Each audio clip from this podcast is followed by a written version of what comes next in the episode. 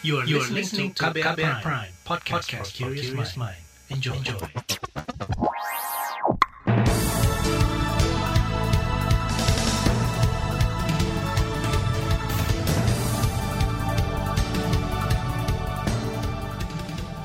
Saudara, inilah buletin pagi edisi 3 Agustus 2021. Saya Reski Mesanto. Pagi hari ini kembali tim redaksi KBR menyapa pagi hari Anda dan kami telah menyiapkan sejumlah informasi untuk Anda. Di antaranya, PPKM diperpanjang, UMK dan buruh kibarkan bendera putih. UNESCO minta pemerintah hentikan proyek Taman Nasional Komodo dan DPR Papua ingin deklarasi cegah tindakan rasial. Dan saudara inilah buletin pagi selengkapnya. Terbaru di buletin pagi. Saudara Presiden Joko Widodo memutuskan memperpanjang pemberlakuan pembatasan kegiatan masyarakat atau PPKM level 4 di sejumlah daerah mulai 3 hingga 9 Agustus mendatang. Jokowi mengklaim perpanjangan dilakukan dengan sejumlah pertimbangan, antara lain jumlah kasus aktif dan angka penularan COVID-19.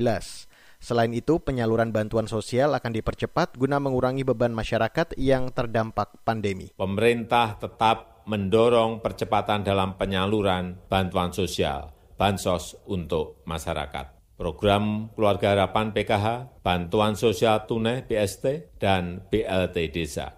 Bantuan untuk usaha mikro kecil, PKL dan warung, bantuan subsidi upah sudah mulai berjalan, dan program Banpres Produktif Usaha Mikro sudah mulai diluncurkan pada tanggal 30 Juli yang lalu. Presiden Joko Widodo mengakui pemerintah dihadapkan pada pilihan antara ancaman keselamatan jiwa akibat COVID-19 dan ancaman ekonomi. Karena itu pemerintah harus melakukan gas dan rem secara dinamis sesuai perkembangan penanganan virus corona. Di hari terakhir masa perpanjangan PPKM level 4, jumlah kasus positif COVID-19 bertambah 22 ribu orang. Saat ini total kasus mencapai 3,4 juta orang, dan dari jumlah itu 2,8 juta sembuh dan 97 ribu orang meninggal. Sementara itu, saudara, kalangan pelaku usaha mikro dan kecil atau UMK menilai kebijakan PPKM terasa memberatkan dan merugikan. Mereka lantas mengibarkan bendera putih di sejumlah daerah sebagai wujud protes atas ketidakmampuan negara mengatasi masalah kesehatan dan krisis ekonomi akibat pandemi. Aksi itu terpantau di Yogyakarta hingga Cirebon. Berikut salah satu pedagang kaki lima atau PKL di kota Cirebon, Jawa Barat. PKL itu itu menyerah soalnya mengadakan PPKM darurat, PPKM level 1 sampai level 4 kan kita kan sebagai masyarakat kecil itu tidak berdaya. Jadi ekonomi kita itu terpuruk Pak. Sekarang omset kita seumpama ya turun lah. Itu tadi Pak E, salah satu pedagang kaki lima atau PKL di kota Cirebon, Jawa Barat. Aksi pengibaran bendera putih juga dilakukan buruh di sejumlah daerah. Menurut rencana, pengibaran bendera putih akan dilakukan serentak pada 5 Agustus nanti di 24 provinsi. Saudara, para buruh mendesak pemerintah memberikan bantuan langsung tunai atau BLT atau bantuan subsidi upah atau BSU sebesar 2 juta rupiah per bulan. Wakil Ketua Konfederasi Persatuan Buruh Indonesia atau KPBI Jumisi mengatakan, Bantuan itu diberikan untuk menjamin kelangsungan hidup warga yang terdampak pandemi, termasuk buruh. Jadi ya sebetulnya semua warga itu butuh gitu. Kenapa angkanya 2 juta? Ya kita e, berusaha untuk mengambil nilai rata-rata dari upah terkecil sampai upah ter tertinggi di Indonesia gitu. Jadi kalau seluruh warga dapat PLT LT itu, kami berharap bisa sedikit membantu warga masyarakat yang saat ini uh, terkena dampak dari COVID. Wakil Ketua KPBI Jumisi menilai bantuan subsidi upah atau BSU sebesar 1 juta rupiah yang akan diberikan oleh pemerintah tidak cukup memenuhi kebutuhan untuk kehidupan yang layak.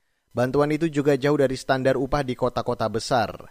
Dia juga mendorong pemerintah mengambil alih perusahaan-perusahaan yang bangkrut guna mencegah PHK massal. Sementara itu, Saudara Menteri Koordinator Bidang Perekonomian Erlangga Tarto mengklaim penyaluran bantuan sosial untuk usaha mikro kecil dan pedagang kaki lima atau PKL sedang difinalisasi. Dia berjanji akan mempercepat pembuatan regulasi dan sistem pendistribusian bantuan dana tersebut. Menurutnya, Langkah ini sebagai bentuk dukungan pemerintah selama PPKM diberlakukan. Ini pemerintah mendorong percepatan penyaluran bantuan sosial untuk masyarakat dan ini bantuan UMK dan PKL Warung ini sedang di, difinalisasi dan mungkin diharapkan ini sudah bisa langsung uh, dijalankan melalui TNI dan Polri. Ini regulasinya sudah disiapkan dan ini akan dibagikan sebesar 1,2 juta per orang dan ini untuk satu juta target. Menteri Koordinator Bidang Perekonomian Erlangga mengklaim secara keseluruhan realisasi anggaran pemulihan ekonomi hingga Juli mencapai 300-an triliun rupiah atau 41 persen dari pagu anggaran 744 triliun rupiah. Antara lain insentif usaha terserap 43 triliun rupiah dari pagu 62 triliun rupiah. Sedangkan sektor UMKM serta korporasi baru terrealisasi 52 triliun rupiah dari pagu 162 triliun rupiah. Soal rendahnya serapan anggaran UMKM, Menteri Keuangan Sri Mulyani dan Menteri Koperasi Teten Masduki akan membuat formula untuk mempercepat realisasi bantuan. Sri Mulyani bahkan bakal mengintervensi agar dana-dana di daerah untuk menangani pandemi segera dicairkan. Saudara Komisi Bidang Keuangan DPR mendorong pemerintah segera memaksimalkan penyerapan anggaran bantuan di masa PPKM. Anggota Komisi Bidang Keuangan DPR, Putri Aneta Komarudin mengatakan, penyaluran harus tepat waktu dan tepat sasaran. Dia meminta pemerintah pusat maupun pemerintah daerah menindaklanjuti masalah-masalah di lapangan.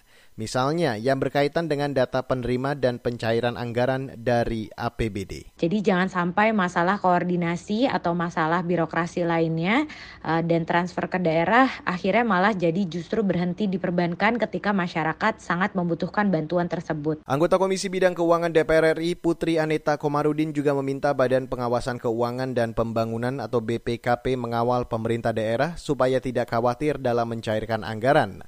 Apalagi alokasi dana transfer ke daerah mencapai sepertiga dari APBN.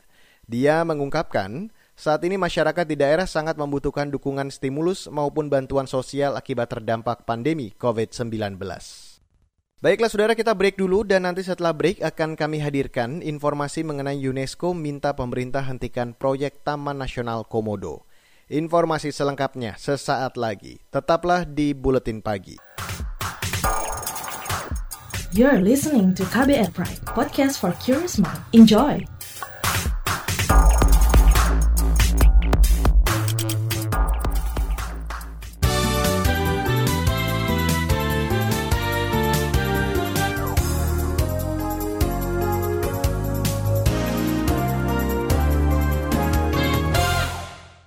Saudara Komisi Kejaksaan atau Komjak memastikan bekas jaksa Pinangki Sirna Malasari sudah dieksekusi ke lapas wanita Tangerang. Ketua Komjak Barita Simanjuntak mengatakan Pinangki sudah dipindahkan ke Rutan Kejaksaan Agung menuju lapas wanita Tangerang kemarin siang. Betul, tadi uh, saya sudah cek ke Kajari Jakarta Pusat, kan tentu sejak beberapa hari ini banyak pertanyaan. Nah, kita kan mendorong supaya segera dieksekusi dan tadi disampaikan ke saya jam 14 sudah dieksekusi ke LP Wanita Tangerang. Ketua Komjak Barita Simanjuntak menambahkan saat dikonfirmasi Kejari Jakpus berdali ada beberapa tahapan yang harus dilalui sebelum dilakukan eksekusi seperti persiapan administratif. Pinangki terbukti melakukan tindak pidana korupsi, pencucian uang, dan pemufakatan jahat terkait penanganan perkara terpidana korupsi hak tagih atau CESI Bank Bali Joko Chandra. Dalam putusan akhir, hukuman Pinangki dipotong dari 10 tahun menjadi 4 tahun penjara. Saudara Menteri Kesehatan Budi Gunadi Sadikin menyatakan informasi mengenai menurunnya efikasi vaksin Sinovac setelah 6 bulan belum bisa dipastikan kebenarannya. Informasi itu berasal dari sebuah studi yang dilakukan peneliti di Tiongkok. Menurut Menkes, kebenaran mengenai hasil studi itu baru bisa dibuktikan setelah uji klinis tahap 3 selesai akhir tahun ini. Efikasi vaksin atau periode tahannya vaksin baru akan bisa keluar secara formal sesudah selesainya final report uji klinis 3. Diperkirakan akan keluar sekitar akhir tahun ini untuk vaksin-vaksin yang pertama kali di launch akhir tahun lalu. Jadi seingat saya yang pertama kali keluar itu Pfizer, kemudian AstraZeneca. Jadi final report uji klinis tiganya itu di kuartal 4 tahun ini. Menteri Kesehatan Budi Gunadi menambahkan hasil penelitian tersebut mungkin saja tersebar sebelum selesai atau masih dalam keadaan embargo. Dia meminta semua pihak tidak menyebarluaskan informasi yang masih simpang siur sehingga tak membingungkan masyarakat. Saudara, Komite Warisan Dunia UNESCO meminta pemerintah Indonesia menghentikan seluruh proyek pembangunan infrastruktur di Taman Nasional Komodo, Nusa Tenggara Timur. Keputusan itu tertuang dalam dokumen Komite Warisan Dunia UNESCO yang diterbitkan setelah konvensi virtual pada 16 hingga 31 Juli 2021. Seperti diunggah akun media sosial Twitter kawan by Komodo. Penghentian proyek itu dilakukan hingga pemerintah Indonesia mengajukan revisi analisis mengenai dampak lingkungan atau AMDAL untuk ditinjau oleh Uni Internasional Konservasi Alam atau IUCN. Pemerintah tengah mengembangkan kawasan strategis pariwisata nasional atau KSPN Super Prioritas Labuan Bajo NTT. Salah satu kepulauan yang mengalami perubahan desain adalah Pulau Rinca di Kabupaten Manggarai Barat yang termasuk dalam kawasan Taman Nasional Komodo. Saudara, Badan Pusat Statistik atau BPS mencatat inflasi sebesar 0,08 persen pada Juli 2021. Kepala BPS Margo Yuwono mengatakan, dari 90 kota yang disurvei BPS, 61 di antaranya mengalami inflasi dan sisanya deflasi. Inflasi tertinggi terjadi di Sorong sebesar 1,51 persen. Kalau dilihat dari komoditas penyumbang inflasi di Sorong, di antaranya disebabkan oleh adanya kenaikan harga pada komoditas ikan kembung, di mana ikan kembung itu memiliki andil sebesar 0,52 persen. Kemudian juga adanya kenaikan harga cabai rawit yang memiliki andil 0,22 persen dan juga ikan tongkol memiliki andil 0,14 persen. Kepala BPS Margo Yuwono menambahkan, deflasi tertinggi terjadi di Manokwari sebesar 0,60 persen. Itu disebabkan penurunan harga pada komoditas ikan mumar, kangkung, dan tomat. Margo mengatakan tingkat inflasi tahun kalender Januari-Juli 2021 sebesar 0,81 persen. Sementara tingkat inflasi tahun ke tahun Juli 2021 terhadap Juli 2020 sebesar 1,52 persen. Sekarang saya ajak Anda untuk menyimak berita dari luar negeri. Datang dari Malaysia, saudara, desakan agar Perdana Menteri Malaysia Muhyiddin Yassin mundur terus mengemuka. Pemimpin oposisi pemerintahan Malaysia, Anwar Ibrahim menyebut, mayoritas anggota parlemen menarik dukungan terhadap Muhyiddin. Melansir The Star, Klaim itu disampaikan Anwar saat berpidato di dataran merdeka sekitar gedung parlemen Malaysia kemarin. Menurut Anwar, para anggota parlemen menarik dukungan setelah Muhyiddin ditegur Raja Malaysia Al Sultan Abdullah terkait status darurat nasional pandemi COVID-19. Kemarin, Muhyiddin juga tiba-tiba membatalkan sesi rapat parlemen. Pembatalan itu diduga sebagai upaya menghindari penggulingan dirinya oleh oposisi. Akibat pembatalan itu, masa melakukan demonstrasi di depan gedung parlemen. Kita beralih ke berita olahraga, saudara. Dari ajang Olimpiade, Presiden Joko Widodo menunggu kedatangan Gracia Poli dan Apriani Rahayu ke Istana Negara usai meraih emas Olimpiade. Pasangan ganda putri bulu tangkis Indonesia itu mengalahkan wakil Tiongkok Chen Qingchen dan Jia Yifan di final kemarin. Jokowi mengapresiasi keberhasilan keduanya. Kepala negara mengatakan, kemenangan Gracia dan Apriani menjadi kado ulang tahun ke-76 kemerdekaan Indonesia. Dalam laga final kemarin, Gracia dan Apriani menang dua game langsung dari wakil Tiongkok 21-19 dan 21-15. Sementara itu di nomor tunggal, Anthony Ginting berhasil meraih perunggu usai mengalahkan Kevin Corden dari Guatemala. Dan hingga Senin malam, Indonesia menempati peringkat ke-35 dengan torehan satu emas, satu perak, dan tiga perunggu. Saudara, selanjutnya di Buletin Pagi akan kami hadirkan laporan khas KBR mengenai upaya muslimah bercadar kikis stigma. Tetaplah di Buletin Pagi. You're listening to KBR Pride, podcast for curious mind. Enjoy!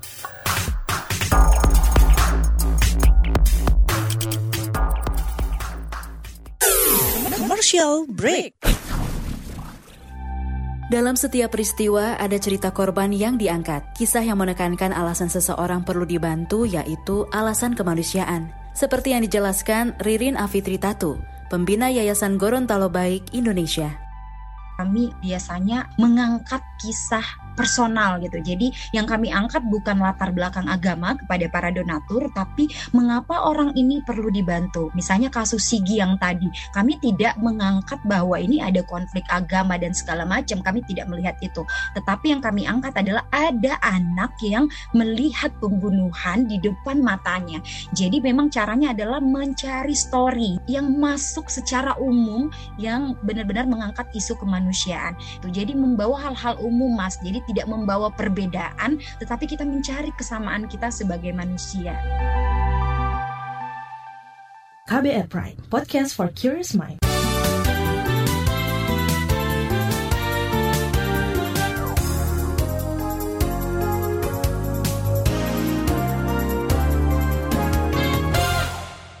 Terima kasih Anda masih bergabung di Buletin Pagi hari ini. Saudara, cadar kerap diidentikan dengan teroris, sifat intoleran dan anti keberagaman. Keterlibatan perempuan bercadar dalam beberapa teror bom makin mempertebal stigma tersebut. Padahal di realita, fenomena cadar tidak tunggal. Di Makassar, Sulawesi Selatan misalnya, ada sekelompok muslimah bercadar yang menolak pasrah di stigma dan didiskriminasi. Jurnalis KBR Mutia Kusuma Wardani mengulik perjuangan mereka memperkenalkan wajah cadar yang lebih ramah. Berikut saya hadirkan kisah bagian kedua disambut baik, dipihara dan e, mengobrol banyak sebenarnya dengan e, para bante dan Hari itu Ainun Jamila mengenakan cadar warna biru bermotif bunga. Ia tengah berbincang virtual dengan Natania dari wanita Terafada Indonesia melalui Instagram Live yang digelar komunitas cadar garis lucu. Sebenarnya dalam agama Buddha, perempuan dan laki-laki itu dipandang sama ya. Cadar garis lucu dibentuk Ainun bersama beberapa rekannya sesama muslimah bercadar pada Februari 2021. Mereka mengadakan berbagai dialog dengan beragam tema, mulai dari feminisme, pluralisme hingga toleransi. Kita bikin satu apa ya wadah bersama seperti itu untuk bagaimana mengkampanyekan dalam artian pemikiran-pemikiran kita yang memang agak berbeda dari teman-teman bercadar yang lain. Nama cadar garis lucu dipilih setelah melewati banyak pertimbangan, kata Ulfa Wulandari. Ulfa adalah salah satu pendiri cadar garis lucu. Ibu satu anak ini merupakan adik angkatan Ainun di jurusan Filsafat Universitas Islam Negeri Alauddin Makassar. Jadi nama grupnya itu pertama feminis bercadar. Nah kemudian timbullah ide baru dari Kak Ainun sendiri pertama ya. Bagaimana kalau kita ubah jadi cadar garis lucu saja supaya kedengarannya tidak terlalu bagaimana ya. Kalau misalnya feminis itu kayak wow sekali. Kalau cadar garis lucu ya santai kedengarannya. Komunitas ini ingin mengikis stigma yang melekat pada perempuan bercadar. Di luar sana tentang cadar pada umumnya yang disangka eksklusif, fanatik gitu kan, radikal. Dan kita membuatlah cadar garis lucu bahwa sebenarnya orang dengan berpakaian seperti ini tertutup bukan berarti pikiran juga harus tertutup. Mereka juga hendak menunjukkan cadar tak selalu identik dengan intoleransi dan anti keberagaman. Siapa pun itu, apakah dia Kristen, apakah dia Hindu, saya tetap berteman dengan mereka. Jadi sebenarnya yang kita butuhkan itu adalah kemanusiaan bukan lagi persoalan agama, tapi ini persoalan kemanusiaan. Yang saya selalu kenang sampai hari ini, saya tidak tahu nama ibu itu siapa, tapi saya sangat berterima kasih bahwa beliau mempercayai. Ainun teringat saya. momen yang mengubah cara pandangnya tentang penganut agama lain. Beberapa tahun lalu, ia berjumpa dengan seorang ibu di sebuah angkutan umum. Saya naik, saya yang insecure karena pengalaman saya selalu ditatap sinis. Apalagi saya waktu itu kondisinya saya masih berhitam-hitam, saya tidak kelihatan alis, cuman hanya mata dan jilbab yang sangat besar, pakaian sangat besar. Saya kemudian ambil duduk paling ujung belakang. Saya diam-diam saja sambil saya berpikir terus bahwa mudah-mudahan ibu ini tidak merasa terganggu dengan kehadiran saya. Tanpa dinyana, ibu itu mengajak ngobrol Ainun. Bahwa beliau punya seorang anak perempuan yang masih SMA katanya, uh, punya watak keras dia curhat panjang lebar, saya hanya mendengarkan. Uh, bilang iya saja sampai terakhir saya turun duluan. Kemudian saya permisi sama ibunya. Kemudian ibu itu langsung nyeletuk tanpa saya tanya, langsung beliau bilang, "Dek, saya ini Kristen loh." Walau singkat, perjumpaan itu menjadi salah satu titik tolak perubahan dalam hidup Ainun. Saya refleksikan ke pengalaman awal-awal saya bercadar yang sangat amat berat. Eh, bagaimana orang-orang tidak mempercayai saya.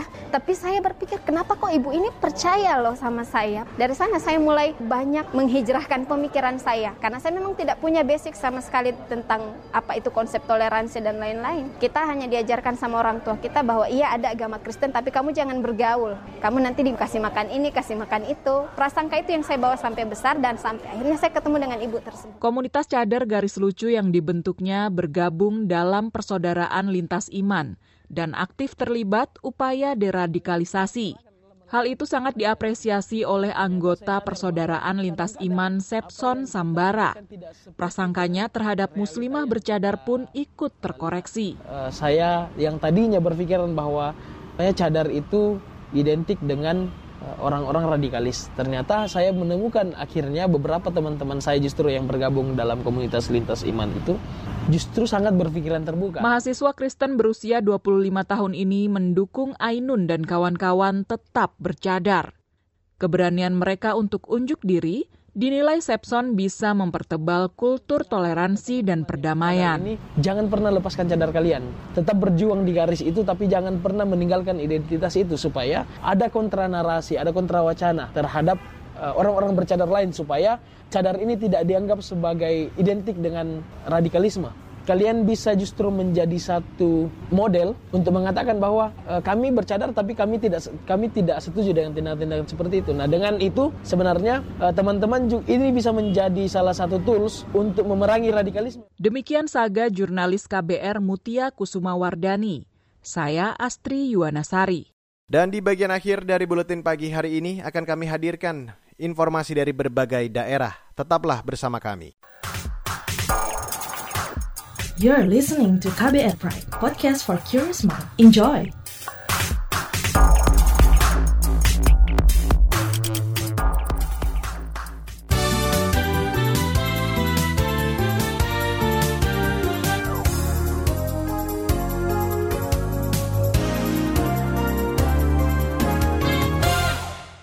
Dan inilah bagian akhir dari buletin pagi. Saudara DPR Papua meminta pemerintah Provinsi Papua, Polri, dan TNI bersama mendeklarasikan pencegahan tindakan rasial.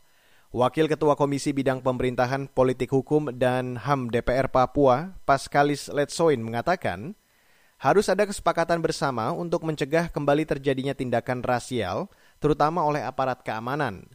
Dia tak ingin insiden kekerasan seperti di Merauke pada pekan lalu terulang lagi. Pimpinan DPR menggandeng dengan gubernur, pemerintah maupun TNI Polri supaya mari kita tanda tangani sebuah kesepakatan bersama, deklarasi bersama supaya tidak ada lagi yang disebut dengan tindakan-tindakan yang bersifat rasial. Ada gerakan bersama di tingkat pemerintah maupun DPR maupun institusi polisi TNI ini menjadi ikatan kita bersama supaya tidak terjadi lagi. Wakil Ketua Komisi Bidang Pemerintahan Politik Hukum dan HAM DPR Papua, Paskalis Letsoin menambahkan, perlu ada kesepakatan sanksi bagi pelaku pelanggar deklarasi itu. Ia khawatir jika tidak ada komitmen bersama, tindakan rasisme berpotensi terus terjadi. DPR Papua juga meminta pemerintah tegas memberlakukan undang-undang tentang penghapusan diskriminasi. Beralih ke Jawa Timur, saudara, Badan Perlindungan Pekerja Migran Indonesia atau BP2MI Banyuwangi menggelar vaksinasi bagi puluhan calon pekerja migran Indonesia atau PMI. Kepala BP2MI Banyuwangi Muhammad Iqbal mengatakan, vaksinasi ini menjadi bagian untuk meyakinkan sejumlah negara penempatan yang masih enggan membuka diri terhadap pekerja migran asal Indonesia. Iya, karena Indonesia saat ini kan dalam posisi pandemi ini cukup tinggi ya. Apalagi dunia internasional melihat Indonesia bagian salah satu epicentrum gitu ya sehingga ini mempengaruhi persepsi dan kesiapan negara luar dalam menerima pekerja asing khususnya dari Indonesia. Makanya kita berharap bahwa program ini juga bisa mengklarifikasi itu sehingga negara-negara itu tidak perlu takut. Saudara itu tadi Kepala BP2MI Banyuwangi Muhammad Iqbal. Sebelumnya, sekitar 4.000 calon pekerja migran Indonesia asal Kabupaten Banyuwangi terpaksa menunda keberangkatan ke sejumlah negara tujuan. Sebab sejumlah negara penempatan sengaja menutup diri lantaran penanganan kasus COVID-19 di Indonesia belum maksimal. Dan saudara informasi tadi sekaligus menutup buletin pagi untuk hari ini 3 Agustus 2021. Terima kasih untuk Anda yang sudah bergabung pagi hari ini dan jangan lupa untuk selalu mematuhi dan menerapkan protokol kesehatan di mana pun Anda berada. Kurangi mobilitas semaksimal mungkin karena itu salah satu kunci untuk memutus rantai penularan COVID-19. Mewakili tim redaksi yang bertugas pagi hari ini, saya Reski Mesanto undur diri dari Buletin Pagi. Salam.